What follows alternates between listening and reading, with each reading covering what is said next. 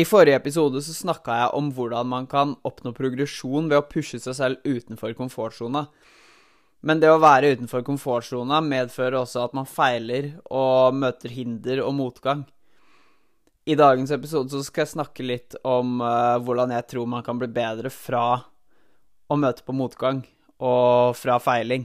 Hvordan man kan bruke feil til å oppnå mer. Først og fremst så er man jo ofte usikker og redd innenfor komfortsona. Man overvurderer alle mulige farer som man tror kommer til å oppstå, som aldri kommer til å skje, og man blir mer og mer stuck. Hvis man oftere er utenfor komfortsona og møter på små hindringer og feiler oftere, så vil man jo over tid tåle flere ting, flere vanskelige situasjoner og utfordringer. Så jeg liker jo å bruke sparkesykkelsmetafor når jeg snakker om de her temaene, hovedsakelig fordi det er der jeg har fått de fleste ideene mine fra, gjennom egne erfaringer.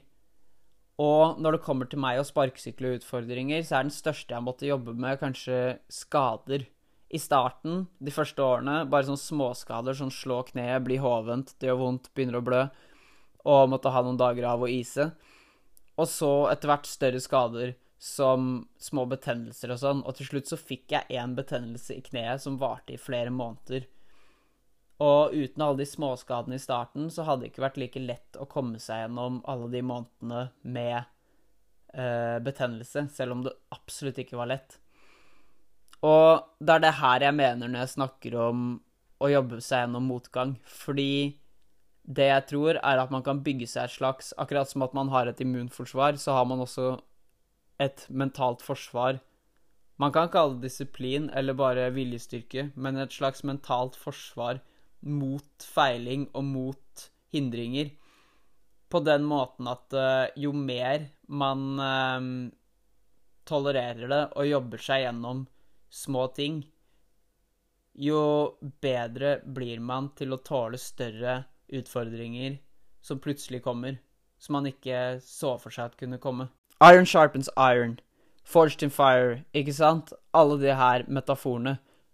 Man blir jo ikke bedre og tåler mer av å gjemme seg i komfortsona. Man lærer av å feile, ikke sant? Man lærer hva man ikke skal gjøre. Suksess er 99% feiling.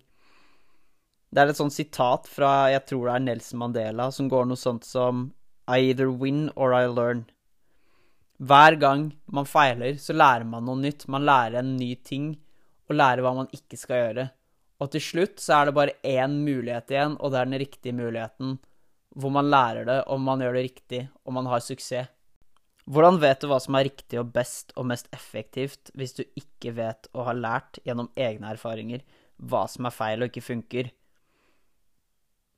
Refleksjon, ikke sant? Analysere hva man gjorde feil, og finne ut og identifisere hvordan man kan gjøre det bedre neste gang.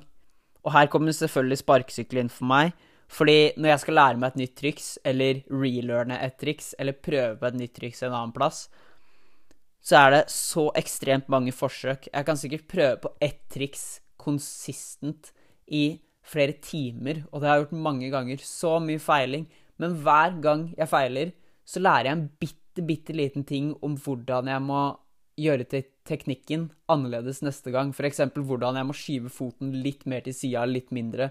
Ta imot litt annerledes, ha bitte litt mer fart, hoppe litt mer før, komme litt mer inn fra sida. Og selv om det tar ekstremt lang tid, så lærer jeg bitte litt hver gang. Og så plutselig så får jeg det til, og da bare sitter det nesten hvert forsøk. Det er veldig spennende, og jeg tror det er sånn i de fleste idretter som um, har et visst teknisk eh, aspekt. Så se for deg hvor mye bedre du kan bli over lang tid, og hvor mye mer du kan lære hvis du bare endrer mindsetet ditt rundt å feile. Fjern holdninga du har til å gi opp, og den følelsen av at alt er håpløst som kommer når du møter på en utfordring eller feiler.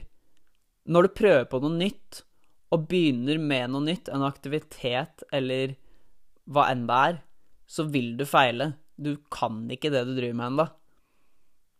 Men hvis du snur det på hodet og ser det fra et annet perspektiv, hver gang du feiler eller møter på en utfordring som du må komme deg gjennom, så prøv å finne en mulighet. Se hva du kan lære. analyser situasjonen og finne ut hvordan kan du bli bedre fra, fra det her. Fordi du vil jo møte på utfordringer uansett hvor mye du gjemmer deg i komfortsona. Det her er noe jeg konstant jobber med selv. Jeg må alltid minne meg på det når en ny utfordring oppstår.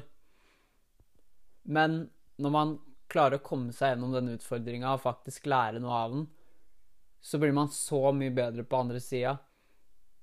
Og neste gang det oppstår, så kommer man seg gjennom situasjonen mye lettere enn uh, denne gangen. Over tid tror jeg man kan stacke de her små seira oppå hverandre, som gjør at man kan håndtere større og større utfordringer, som igjen gjør at man kan bygge seg bedre ferdigheter. Så, ikke sant? Ta et steg tilbake, prøv å se situasjonen fra et objektivt perspektiv, og finne ut hvordan du kan skape en mulighet fra det problemet her, eller hvordan du kan løse det og bli bedre og få mer ut av det enn det tok fra deg. Se for deg at du er på en sti, som er den retningen du går for, og så møter du på en, eh, kall det roadblock, så kan du ikke bare snu og gå tilbake. Du må komme deg forbi på en eller annen måte og løse situasjonen for at du kan komme deg til dit du vil. Det er samme greia med utfordringer og uoppståtte problemer. På denne fiktive stien så er den eneste måten å komme videre på å løse problemet man har foran seg. Hvis ikke så blir man bare stående der. Fjerne objektet som er i veien, ikke sant? Og det er det samme med å løse utfordringer man får når man prøver å oppnå noe. For meg så sliter jeg med det her hele tida, men det er alltid et nytt problem. Det er aldri det samme problemet to ganger, og det er derfor man lærer av utfordringer hver gang de kommer. Og da må man sam samtidig bruke det her perspektivet og ta et steg tilbake, som jeg snakka om, og liksom prøve å se situasjonen så man kan skape seg en strategi der og da, Så man også bruker egne erfaringer fra for å løse. Men man må alltid finne på noe nytt, ikke sant? Fordi den samme utfordringa kommer aldri helt likt to ganger. En kompis viste meg en gang en eh, sånn her finansgraf hvor det per nedgang var en minst dobbelt så høy oppgang. Over tid så vokste den grafen veldig mye. Det er det samme med mm, utfordringer og løse utfordringer, som jeg snakka om i stad. Hver gang man løser en utfordring, så vokser man mer enn da man møtte på utfordringa, og over tid så gror man da veldig mye. Tror jeg. Yes. Det var alt for i dag. Jeg håper dere likte denne episoden her. Det var gøy å lage den. Gøy å lage de her episodene. Jeg satser på at det kommer én til to episoder hver uke. Og hvis dere liker de her episodene, så del det rundt, så flere kan se på det. Og gjerne ta en sånn uh, five star review på podkasten, for det hjelper også mye. OK? Tusen takk for i dag. Så snakkes vi i neste podkast. Ha det bra.